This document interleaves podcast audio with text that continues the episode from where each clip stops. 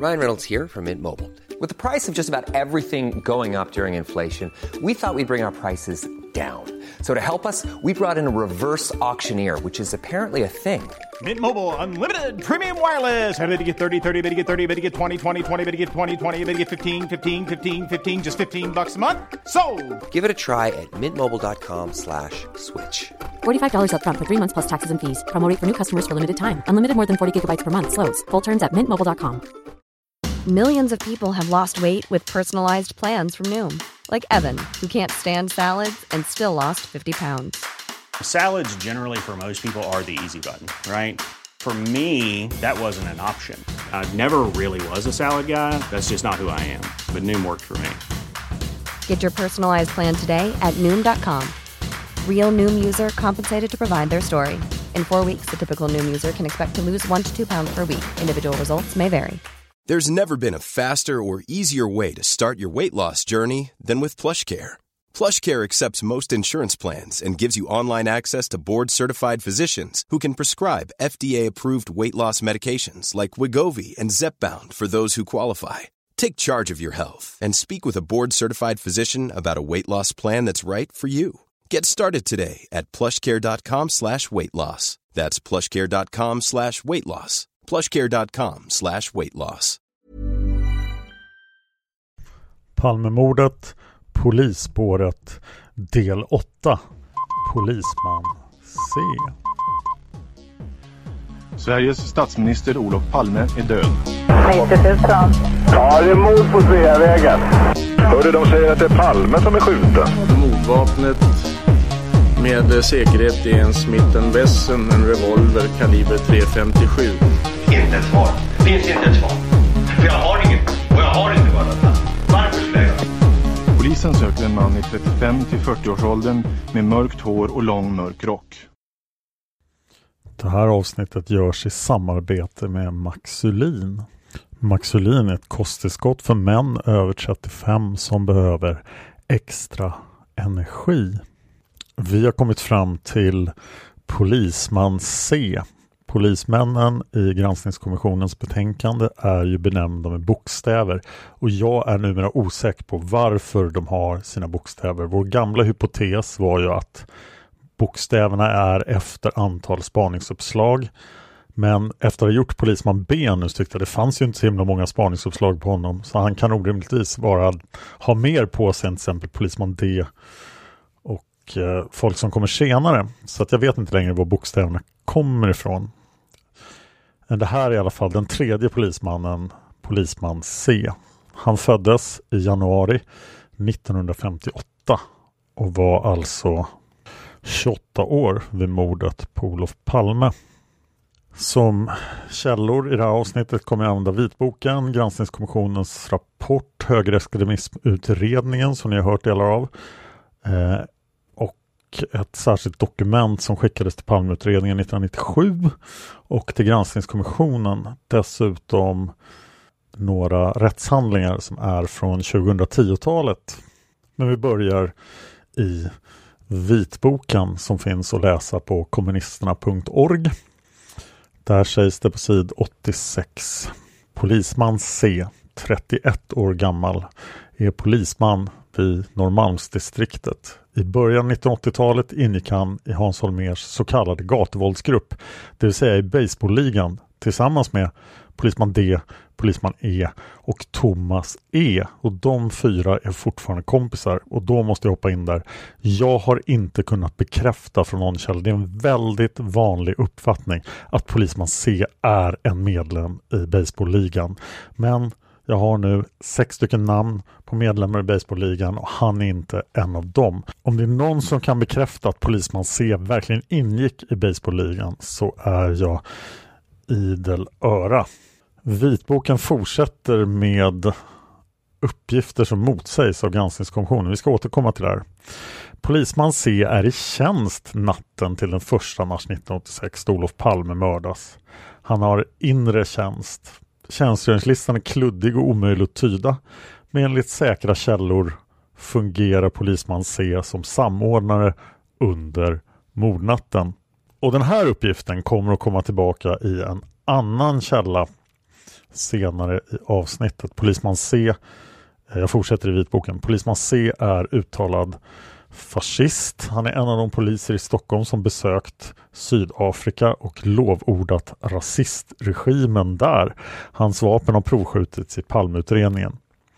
Några månader efter mordet på Olof Palme sitter polisman C på Operabaren. Kanske är han berusad, men i vart fall vill han imponera på en känd regissör som han samtalar med. Jag har världens grej på gång, säger polisman C till regissören. För ett par miljoner ska jag berätta för dig. Du ska veta att det dröjer inte länge förrän vi har slängt det här socialistiska samhället på sophögen. För att ge eftertryck åt sina ord viker polisman C sedan upp kavajslaget och visar regissören ett märke som sitter på undersidan. Det är en svensk flagga med ett hakors i.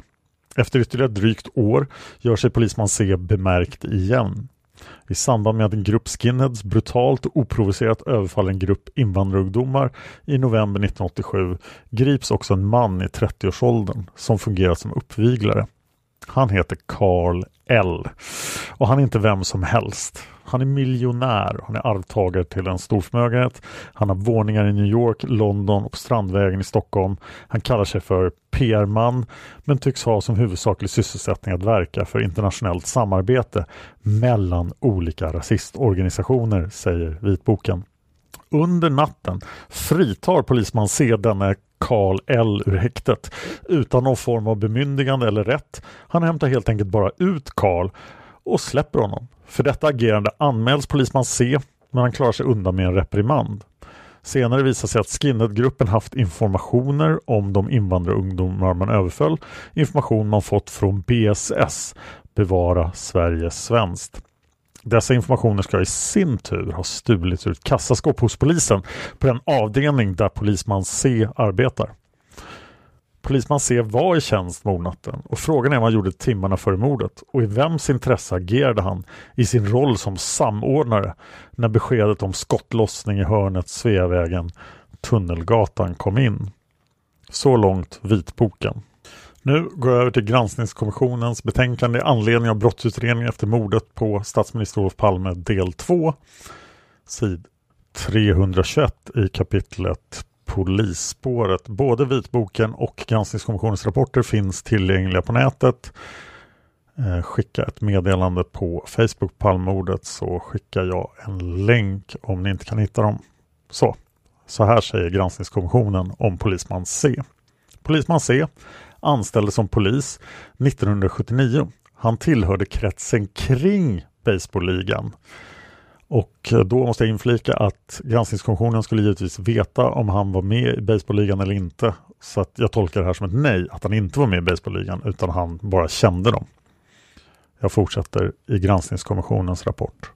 Polisman C har också omtalats i samband med att han hade varit aktiv för att få en person från organisationen Bevara Sverige Svenskt, BSS, som hade gripits vid ett misshandelsbråk släppt från arresten. Det har inkommit flera tips angående polisman C under utredningen, dock inget som är direkt knutet till mordet. Istället gäller tipsen vapeninnehav, tvivelaktiga åsikter och uppseendeväckande beteende. Ingångstipset i huvuduppslaget angående polisman C kom redan i mars 1986. Uppgiftslämnaren pekade ut bland annat polisman C som högerextremist och uppgav att denne ägde en så kallad Magnumrevolver. I polisman Cs krets hade uppgiftslämnaren iakttagit en man som liknade en av fantombilderna och det var då bilden på skuggan som vi vet idag är Travel. I samband med att tipset lämnades utreddes polisman Cs anställningsförhållande och vapeninnehav. Det företogs vidare kontroll vid Säkerhetspolisen. Polisman C var ej känd av Säpo. Man kontrollerade också var polisman C hade befunnit sig vid tiden för mordet. Det gjordes även en provskjutning av polisman Cs Smith Wesson 357 Magnum. Kulorna kontrollerades dock inte före 1990 då SKL uttalade att ingenting tydde på att kulorna hade utskjutits ur samma vapen som mordkulorna. Utredningen klarlade ganska snart att polisman C hade deltagit i militärövning vid K4 den aktuella tiden. Mer precis befann han sig på morddagen på en övning utanför Överkalix. Och den här källan är mycket bättre än vitboken. Den är skriven mycket senare. De har mycket mer insyn i utredningen. Så att det här alibit låter ju så lite i alla fall. Men vi kommer kanske att ifrågasätta det senare avsnittet ändå. Polisman C hördes aldrig själv.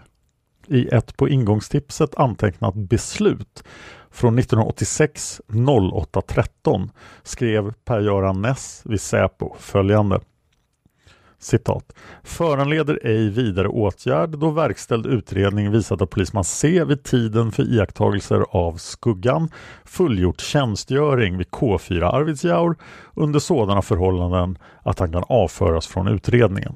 Slut citat. I november 1987 inkom ett nytt tips. Det hade föranletts av den uppmärksamhet kring polisspåret som då förekom i massmedia. Tipsaren trodde att polisman C ingick i baseballligan och satte sin iakttagelse i samband med detta. Enligt uppgiftslämnaren hade polisman C på en pizzeria i en småstad uppvisat ett vapen av den typ amerikanska polisen använder och händelsen skulle ha inträffat citat för några år sedan.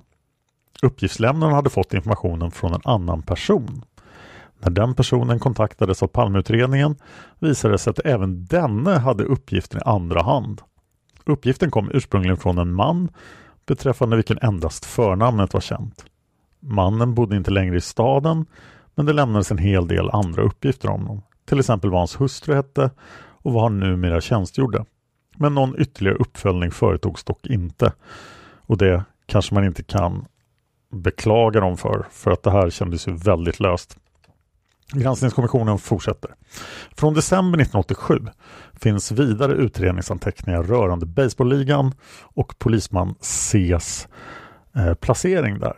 Utredningen ledde till nya förhör med den ursprungliga uppgiftslämnaren och fotokonfrontation. Inga direkt nya uppgifter framkom dock. Kort därefter lades ärendet åter ad acta efter beslut av Per-Göran Ness Polisman C hördes inte heller denna gång. Och ad acta innebär ju att man lägger en utredning på is tills någonting nytt kommer fram. Med datering fem år senare, oktober 1992, finns en utredningsanteckning. Där konstateras att polisman C har varit föremål för omfattande utredning varvid man bland annat har kontrollerat hans vapeninnehav och hans alibi för tiden då Olof Palme mördades. Någonting anmärkningsvärt har härvid inte framkommit. Det noterades vidare att polisman C 1980 erhöll licens för en Smith Wesson 357 Magnum och att vapnet var provskjutet. Utredningsmannen avslutade citat Uppslaget bör möjligen knytas till vad som tidigare är känt och gjort beträffande polisman C. Polisman C är även omnämnd ett flertal gånger i uppslaget angående Y. Det framgår där att polisman C var god vän med Y. Flera från varandra oberoende uppgifter i uppslaget pekar på att i skilda hänseenden extremt beteende från polisman Cs sida. Det finns vidare flera från varandra oberoende uppgifter om att polisman C förevisat vapen på ett sätt som väckt uppseende. Och den person granskningskommissionen här kallar för Y är alltså Karl L som jag nämnde tidigare. Kommissionen har tagit del av en akt om polisman C hos Säkerhetspolisen. Sakligt sett innehöll den ingenting värt att notera i detta sammanhang utöver det som redan framgått av materialet hos Palmeutredningen. Utanför Palmeutredningen förekommer polisman C i polisstyrelsens utredning om högerextremism. Polisman C berörs av i vart fall tre avsnitt i den utredningen. Uppgiften om att han på sin fritid velat kvittera ut en god vän, här benämnd Y, alltså Karl L, som gripits efter ett bråk mellan skinheads och invandrare, påstående om en händelse på Operabaren i Stockholm där polisman C skulle ha uppvisat en svensk flagga med hakors fästad på kavajslagets undersida, oklar tidpunkt, och polismäns resor till Sydafrika. Natten den 8 november 1986 greps 23 personer i Gamla stan i Stockholm misstänkta för misshandel efter en attack på en grupp invandrare. Samtliga gripna utom två, Karl L och en kamrat till denne, var så kallade skinheads. De gripna frigavs senare under natten efter konfrontationer och identifiering. Karl L kvarhölls dock eftersom han var bosatt i USA och inte hade fastställbar adress i Sverige. Kort efter att Karls kamrat hade släppts ringde polisman C till vaktdistrikt 3 enligt vad som framgår av den promemoria som vakthavande befäl vid vaktdistriktet senare upprättade. C uppgav sig vara kriminalinspektör samt att Karl och dennes kamrat var ett par av hans bästa vänner. Polisman C sa vidare att Karl inte var någon buse att den inte hade gjort något olagligt. Polisman C ringde sedan ytterligare en gång för att kvittera ut Karl. Senare på natten infann sig polisman C på polisstationen och bekräftade Karls tillfälliga adress i Stockholm. Sedan uppgifterna kontrollerades släpptes Karl eftersom adressen därmed var fastställd. Vakthavande befäl anmälde det inträffade till polisens klagomålssektion internutredning inom parentes står det. Biträdande länspolismästaren beslutade att inte föra saken vidare till åklagare eftersom misstanke om brott inte förelåg. Händelsen uppmärksammades sedan i massmedia varefter biträdande länspolismästaren beslöt att i, som det heter i polisstyrelsens rapport, klarläggande syfte anmäla det inträffade till åklagare. Åklagaren höll förhör med den vakthavande kriminalinspektören och la sedan ner förundersökningen med motiveringen att brott inte förelåg. Polisstyrelsens utredningsgrupp inhämtade för sin del uppgifter från polisman C och de två polismän vid vaktdistrikt 3 som talade med denne under natten. I sin bedömning konstaterade polisstyrelsen att polisman C inte hade agerat i tjänsten. Frågan har istället gällt om det inträffade kan uppfattas så att polisman C på ett otillbörligt sätt allmänt sökt utnyttja sin ställning som polis för att förmå vakthavande befäl att frige Karl L.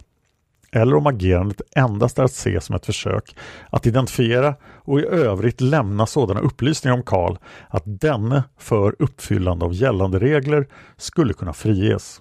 Det kan konstateras att uppgift står mot uppgift vad gäller innehållet i det eller det telefonsamtal som utväxlades mellan polisman C och företrädare för vaktdistrikt 3. Enligt vakthavande befäl ska polisman C ha ringt vid två tillfällen, varit mycket upprörd och uttryckligen sagt sig vilja kvittera ut Karl L. Polisman C bestrider att han har uttryckt sig på det sätt som uppgetts, liksom att han skulle ha varit upprörd. Hans enda syfte med telefonsamtalet var att ge sådana informationer om Karl att denne inte längre skulle behöva kvarhållas. Polisman C kan vidare bara erinra sig ett telefonsamtal. Gruppen gör bedömningen att uppgift står mot uppgift. Det icke är möjligt att belägga att polisman C på ett otillbörligt sätt sökt utnyttja sin ställning som polis för att få Karl frisläppt.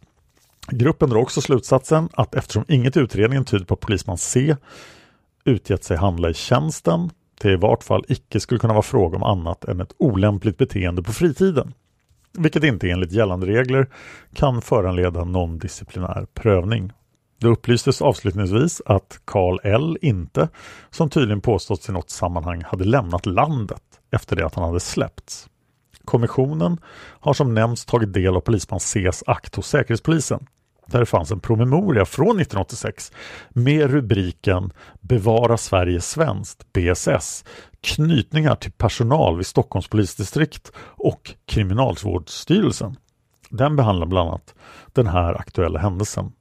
Det framgår att Karl L vid det aktuella tillfället själv kände till att en polisman skulle fixa ut honom. Det har inte gått att utröna hur Karl L, som alltså var i polisens förvar, kunde veta detta. En kontroll har dock visat att en känd BSS-medlem, vars namn är uteslutet ur granskningskommissionens rapport, är anställd som vaktkonstapel i arresten och tjänstgjorde denna natt. Det omtalas även att det var känt att personal vid Allmänna häktet var medlemmar i Bevara Sverige svenskt. Polisstyrelsens utredningsgrupp bedömde även påståendet om att polisman C skulle ha iakttagits på Operabaren då han visat upp en nål med en svensk flagga med ett hakors fastsatt på kavajslagets undersida. Det finns ingen uppgift om när händelsen skulle ha inträffat. Polisman C bestred inför utredningsgruppen kategoriskt beskyllningen. Ursprunget till uppgiften, som tydligen förekommit i massmedia, gick inte att härleda. Mot polisman Cs bestridande fanns det enligt gruppen ingenting som talade för att den var riktig. Slutligen identifierade polisstyrelsen polisman C som en av de sex polismän som hade rest till Sydafrika. Resan hade för hans del ägt rum i februari 1987. Han hade besökt svenska vänner som bodde i Sydafrika. Polisman C uppgav sig inte ha arbetat eller deltagit i någon utbildning tillsammans med sydafrikansk polis. Polisstyrelsens bedömning av resorna framgår ovan så vi ska återkomma till den när vi pratar om polismän i Sydafrika. Av utredningsakten framgår att polisman C var ovillig att medverka i utredningen av Sydafrikaresorna. Till skillnad från övriga berörda ville polisman C inte yttra sig på band och motsatte sig även i övrigt dokumentation av saken. Den som tar del av akten kan endast med viss svårighet få fram att den polisman som i utredningen benämns F är identisk med polisman C. Och det är allt som granskningskommissionen har på polisman C. Men vi har lite till. Och det är förhöret. Eh, eller det ordagrant är ett protokoll över samtal mellan tillförordnade kriminalinspektören polisman C och polisintendenten Tord Petersson. Samtalet hålles den 11 december 1987 i Gamla polishuset i Stockholm med början klockan 16.25 och samtalet upptages på band. Förhörsledaren. Det antecknas här först att du, polisman C, har tagit del av en promemoria som polisinspektören Ulf Bergqvist dagtecknat den 9 november 1986. Och då vore jag intresserad av vad som har hänt enligt din uppfattning om det här. Om du kan berätta det, varsågod. Polisman C. Tackar. Den här aktuella morgonen blev jag uppringd av Jona, Johan S som förklarade att han och kamraten Ulf L, här heter han inte Karl L, hade varit inblandade i ett tumultartat bråk i Gamla stan. Både Johan och Ulf hade blivit förda till vaktdistrikt 3 på Södermalm. Johan berättade att han hade blivit förd till sjukhus. Han hade blivit sydd efter att han fått ett slag i huvudet av någon okänd person nere vid Gamla stan. Och Han berättade där att Karl, han var kvar på polisstationen och anledningen till att han var kvar hade Johan fått reda på att det skulle vara för att han saknade fast adress och identitet. Och han bad mig att jag skulle ringa och fråga om Karl skulle få kvar på polisstationen. Karl och Johan skulle nämligen åka på fest på universitetet i Lund med första planet på morgonen. Han var orolig för att inte Karl skulle hinna med flyget. Då ringde jag upp vaktdistrikt 3 och pratade med någon polisassistent om jag minns det hela rätt och frågade varför Karl var där och om han skulle bli kvar. Jag sa att jag kände honom och om det var frågan om identitet så skulle jag kunna ställa upp och identifiera honom. Jag kommer inte ihåg vad den här polisassistenten talade om för mig men som jag minns det så kopplade han mig vidare till vakthavande befäl och jag pratade om samma saker med honom och jag erbjöd mig att komma och identifiera Karl. Han talade om för mig att det redan hade fattats ett beslut från krimjouren att Karl skulle föras dit och det här ärendet skulle handläggas i fortsättningen på krimjouren. Och han sa till mig att jag skulle ringa krimjouren och framföra mina synpunkter, om jag hade några synpunkter. Och det sa jag att det skulle jag göra. Därefter avslutade samtalet This is Paige, the co-host of Giggly Squad, and I want to tell you about a company that I've been loving, Olive and June. Olive and June gives you everything that you need for a salon quality manicure in one box. And if you break it down, it really comes out to $2 a manicure, which is absolutely insane. It's also so easy to get salon worthy nails at home with Olive and June. The difference between how your nails used to look when you did them yourself and now with the Manny system is a complete game changer. The best thing about Olive and June too is it's a quick dry, dries in about one minute, lasts for five days, and full coverage in up to one to two coats. Visit oliveandjune.com slash perfect Manny 20 for 20% off your first system. That's oliveandjune.com slash perfect Manny 20 for 20% off your first system. This Mother's Day, celebrate the extraordinary women in your life with a heartfelt gift from Blue Nile. Whether it's for your mom, a mother figure, or yourself as a mom, find that perfect piece to express your love and appreciation. Explore Blue Nile's exquisite pearls and mesmerizing gemstones that she's sure to love. Enjoy fast shipping options like guaranteed free shipping and returns. Make this Mother's Day unforgettable with a piece from Blue Nile. Right now, get up to 50% off at BlueNile.com. That's BlueNile.com. If you thought the only way to get a more defined jawline with natural looking results was through surgery, think again. Juvederm Volux XC is a non surgical injectable gel filler that improves moderate to severe loss of jawline definition and can help you achieve natural looking results with little downtime. Even better, this improved definition lasts up to one year with optimal treatment. No maintenance required. Improve jawline definition for a smooth, sculpted look with Juvederm Volux XC. For important safety information and to find a licensed specialist, visit juvederm.com. That's J U V E D E R M.com. Not for people with severe allergic reactions, allergies to lidocaine, or the proteins used in Juvederm. Common side effects include injection site redness, swelling, pain, tenderness, firmness, lumps, bumps, bruising, discoloration, or itching. There's a risk of unintentional injection into a blood vessel, which can cause vision abnormalities, blindness, stroke, temporary scabs, or scarring. Talk to a licensed specialist to find out if it's right for you. Då får jag säga att jag var varken upprörd när jag ringde till polisstationen den här tidpunkten på morgonen. Jag hade knappt vaknat. Tvärtom var jag mycket ödmjuk. Och mer kan sägas att jag har inte begärt att få kvittera ut Karl. Jag använder inte den vokabulären när det gäller det tjänstemässiga. Däremot har jag erbjudit mig att identifiera honom om det var det hans frihetsberövande berodde på. Tvärtom så var det vakthavandebefälet som var irriterad på mig för att jag la mig i det här ärendet. Och därför fanns, fann jag ingen anledning att fortsätta prata med honom när han hänvisade mig till krimjouren. Jag ringde därefter upp krimjouren och frågade om Karl hade kommit dit och det hade han inte. Och så berättade jag för kriminalinspektören som svarade i telefon. Jag minns inte om det var Thunberg eller om det var någon annan. Och han sa att det är väl lättare att åka in i så fall om det är som du säger och identifiera honom. Och då gick jag upp och åkte in till krimjouren och efter ett tag jag hade varit där, jag pratade med vakthavande befäl Thunberg och sa att jag kände den här mannen.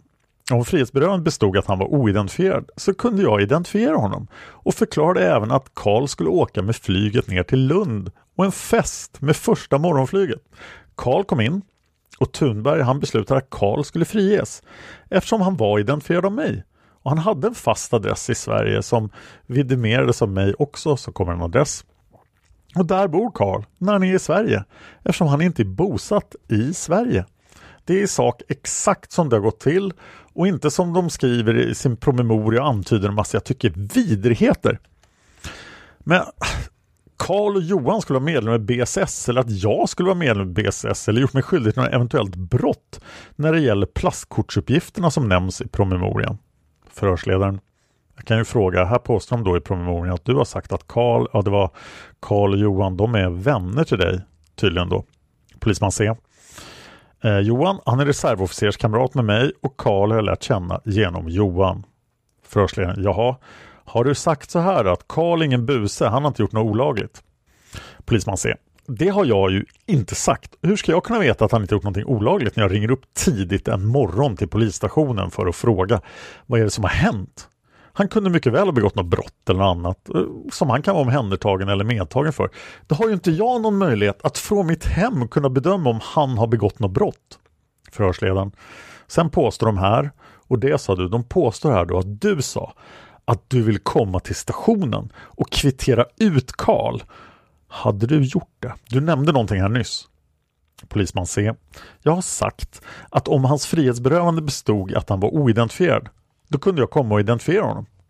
Förhörsledaren. Tack. Polisman C. Och det har Bergqvist fått till kvittera ut Karl. Och det är möjligt att de använder det här ordet kvittera på VD3 men jag använder det inte på krimjouren. Förhörsledaren. Jag har inte hört det här kvittera ut. Används det vid polisen? Jag känner inte igen det egentligen polisman säger, jag känner inte heller igen det ordet kvittera ut. Men det är som sagt möjligt att man använder det på Södermalmspolisen. Förhörsledaren, jaha, jag tänkte det var på häktet när man hämtar någon anhållen då, då kanske man kvitterar ut när man tar ner till roten eller så. Polisman C, då måste man kvittera ut. Förhörsledaren, ja. Polisman C, och det gör man alltså bokstavligt på papper. Man skriver på en kvittens att man tar ut den misstänkte. Förhörsledaren. Sen går vi vidare här då så påstås det att du har ringt två samtal. Om jag uppfattar det rätt så var det bara ett samtal. Hur var det med det där? Polisman C. Så jag minns det. Har jag bara ringt ett samtal och blev vidarekopplad till vakthanebefälet. Men som sagt, det är jag inte helt hundraprocentigt på med tanke på att jag blev väckt tidigt på morgonen. Det är möjligt att man kan ha blivit bortkopplad, jag har ringt upp igen. Men som jag minns det så, så har jag blivit kopplad från en plats på Södermalmspolisen till en annan plats. Förhörsledaren och sen åkte då in till krimjouren och den identifierade var riktigt. Polisman säger alldeles riktigt. Förhörsledaren, ja, jag har inget ytterligare att fråga om. Är det någonting du vill kommentera förutom det du har sagt? Jag tycker du har sagt det utförligt där. Polisman säger ja, nej, det finns ingenting att kommentera. Det är tråkigt att polisinspektörer i sin befältjänst kan uttrycka sig i skrift som det är gjort. Förhörsledaren, känner du den här Bergqvist eller Almen heter de här? Känner du? Vet du vilka det är? Känner du dem? Polisman säger nej, jag känner inte dem, men jag vet var de är och jobbar någonstans. Det är allt. Förhörsledaren, ja, ja, jag har inget ytterligare. Då är samtalet slut klockan 16.34.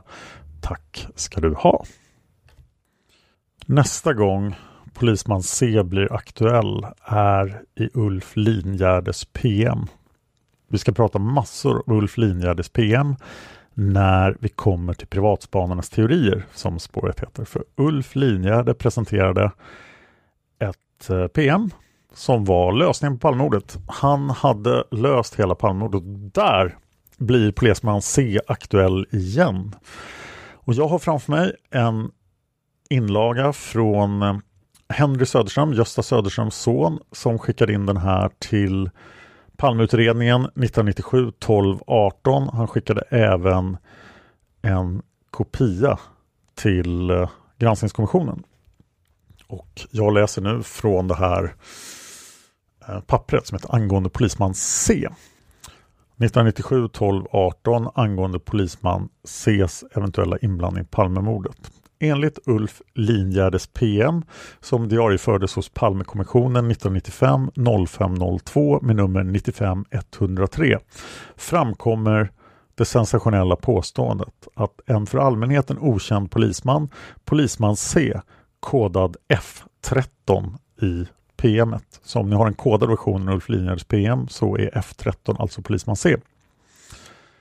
En för allmänheten okänd polisman, polisman C, var operationschef under mordnatten och alltså den som ska ha koordinerat insatserna för det hit-team av Stockholmspoliser som tagit på sig uppdraget att genomföra attentatet mot Sveriges statsminister Olof Palme. När jag, det vill säga Henry, nu i höstas fick tag på detta strängt konfidentiella PM blev jag extra intresserad av denna uppgift.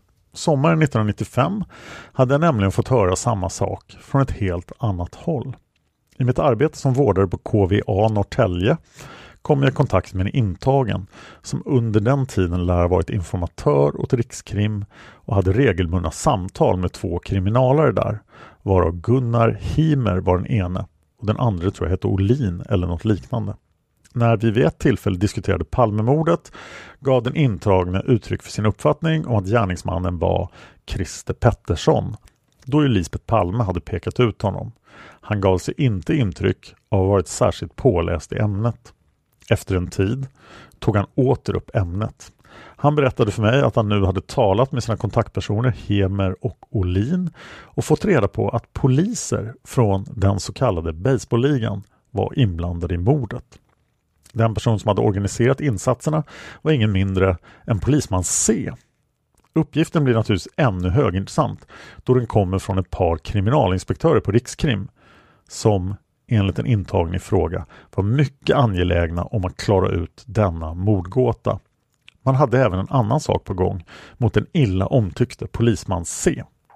Det påstods att han vid ett tillslag ska ha kommit över utländska, engelska tror jag, statsobligationer till ett högt värde och själv tagit hand om dessa. Hur det gick med det vet jag inte, säger Henry. Och jag fortsätter.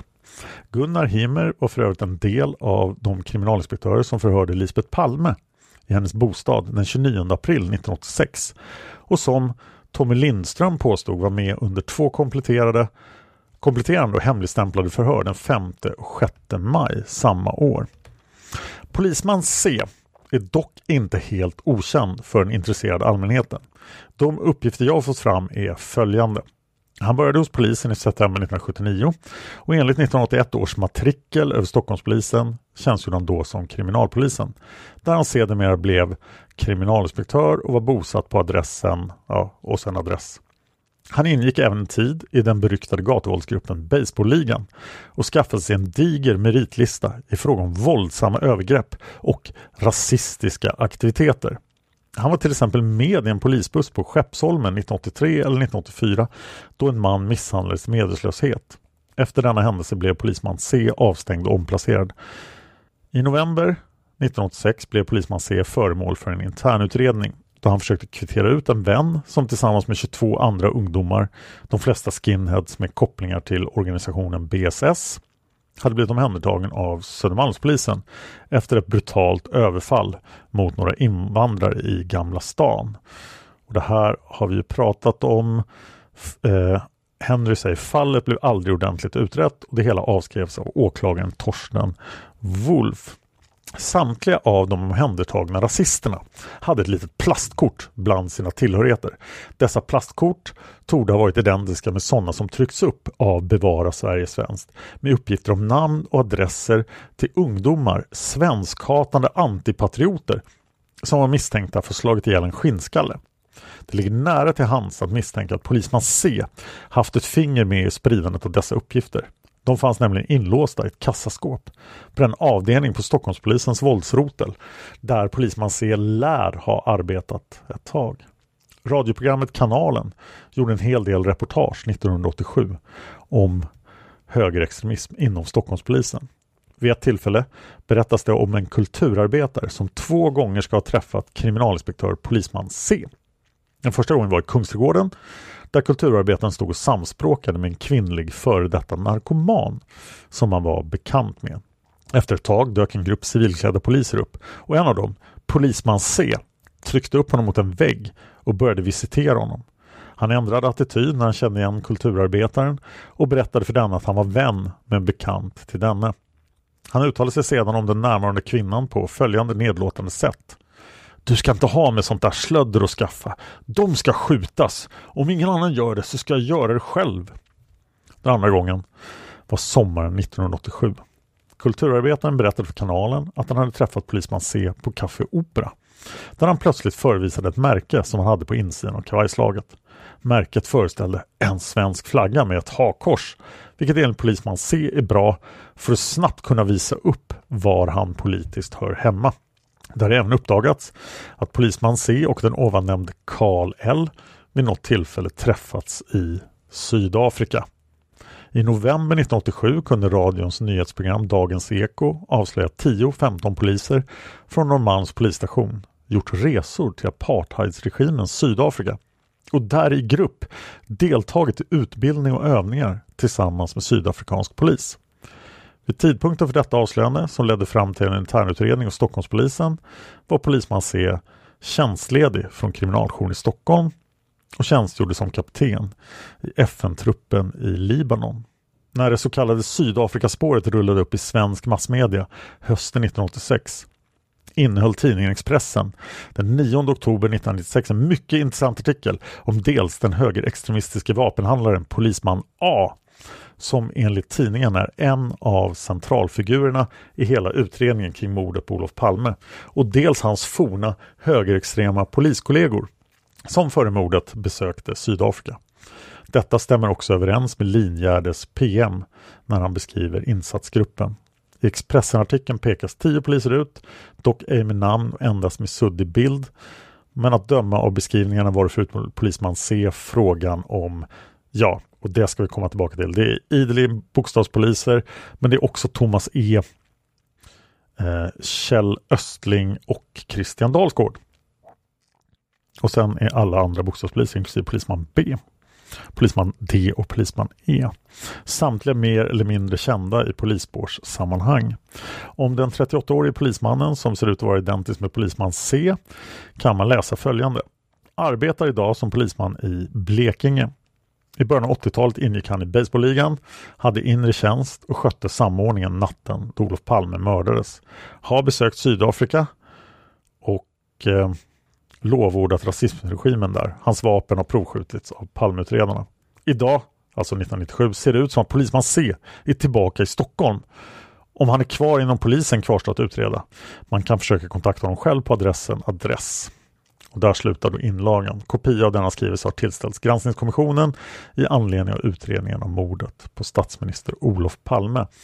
Men polisman C jobbade verkligen hos polisen och det fortsatte han att göra fram till 2011 när någonting väldigt tragiskt händer.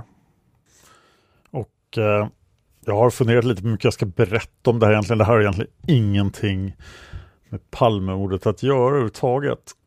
Men vad jag förstår så skiljer sig polisman C och i efterdyningarna av skilsmässan så fattar han vissa beslut som inte är förenliga med svensk lag.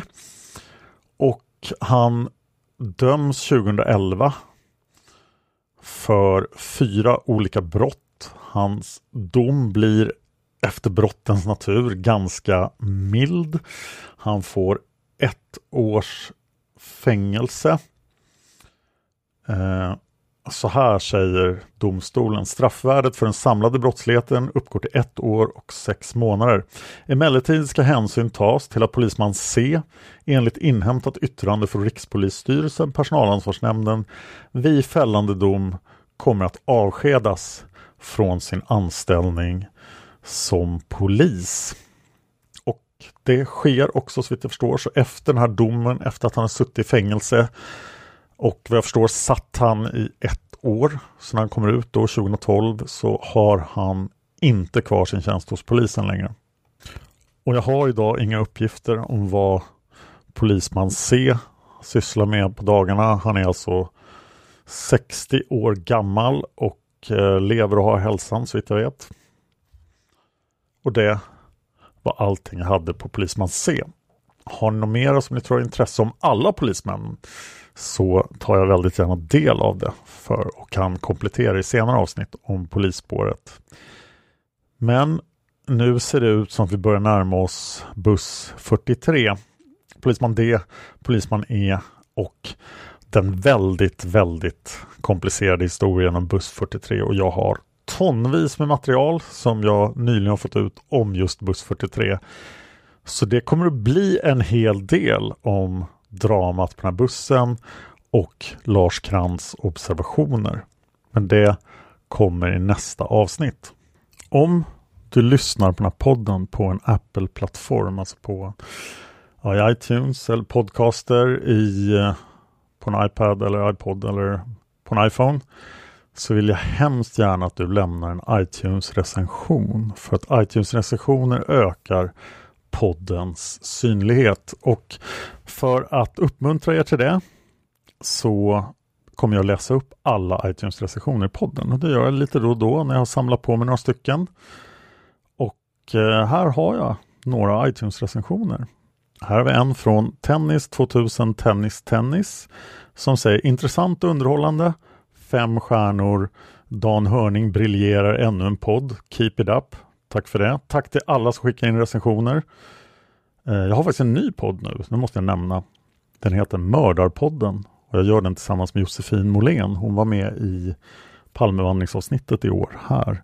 Och vi pratar om diverse mord. Så att eh, tycker ni att det är intressant, det är verkliga händelser, försvinnanden och mord.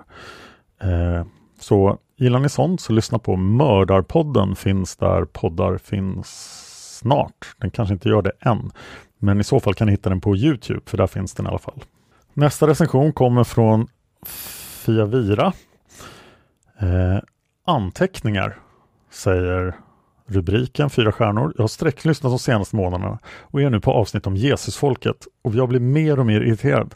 Snälla, renskriv anteckningar innan de läses så man slipper höra, ser inte riktigt vad det står här. Tycker det är ganska ofta återkommande. Annars är det en väldigt bra podcast. Man blir mer och mer fascinerad över hur komplext fallet är. Och anledningen att jag inte renskriver anteckningarna är förstås att eh, det är originalmaterialet som vi läser upp. Och givetvis ska man kunna läsa igenom allt material först, men till exempel de här permarna från Viktor Gunnarsson så är det väldigt mycket material och då skulle helt enkelt podden inte kunna komma ut varje vecka. Eh, för att, Eh, ja, så är det. Så att alternativet är att inte komma ut varje vecka och det eh, tror inte jag ni skulle gilla riktigt. Men eh, det är bara en ursäkt. Jag ska försöka bli bättre på det där. Jag måste säga att jag är grymt less på gamla maskinskrivna papper från 1986. Vi går vidare till nästa eh, nästa papper.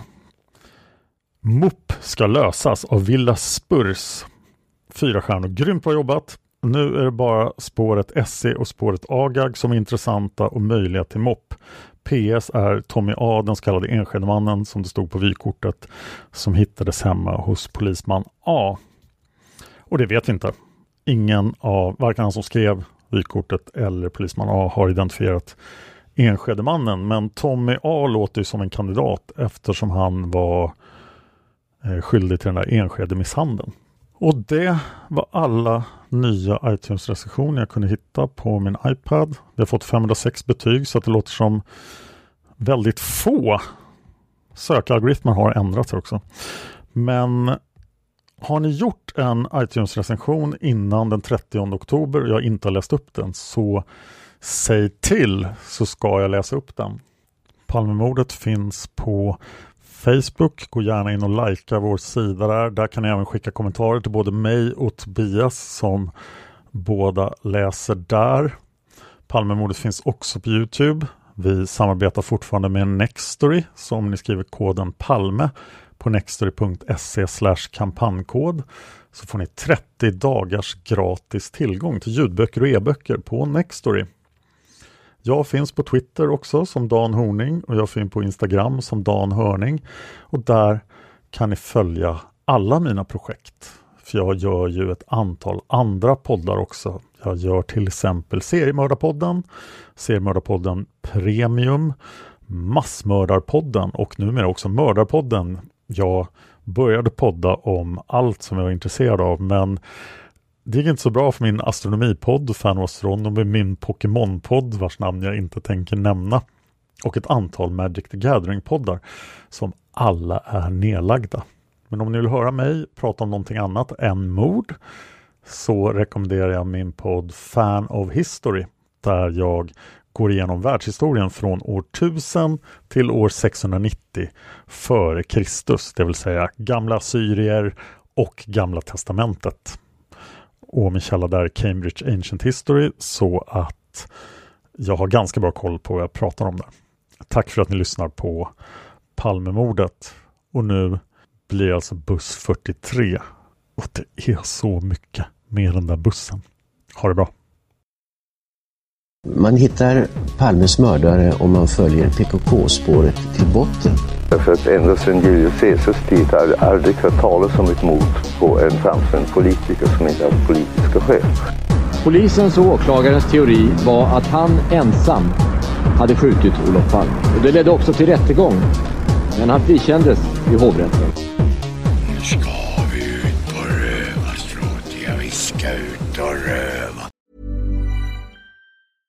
Imagine the softest sheets you've ever felt. Now imagine them getting even softer over time. That's what you'll feel with Bowl and Branch's organic cotton sheets. In a recent customer survey, 96% replied that Bowl and Branch sheets get softer with every wash. Start getting your best night's sleep in these sheets that get softer and softer for years to come. Try their sheets with a 30-night guarantee. Plus, get 15% off your first order at bowlandbranch.com. Code BUTTERY. Exclusions apply. See site for details.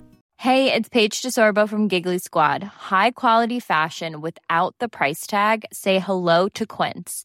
I'm snagging high-end essentials like cozy cashmere sweaters, sleek leather jackets, fine jewelry, and so much more. With Quince being 50 to 80% less than similar brands. And they partner with factories that prioritize safe, ethical, and responsible manufacturing. I love that. Luxury quality within reach. Go to quince.com slash style to get free shipping and 365 day returns on your next order.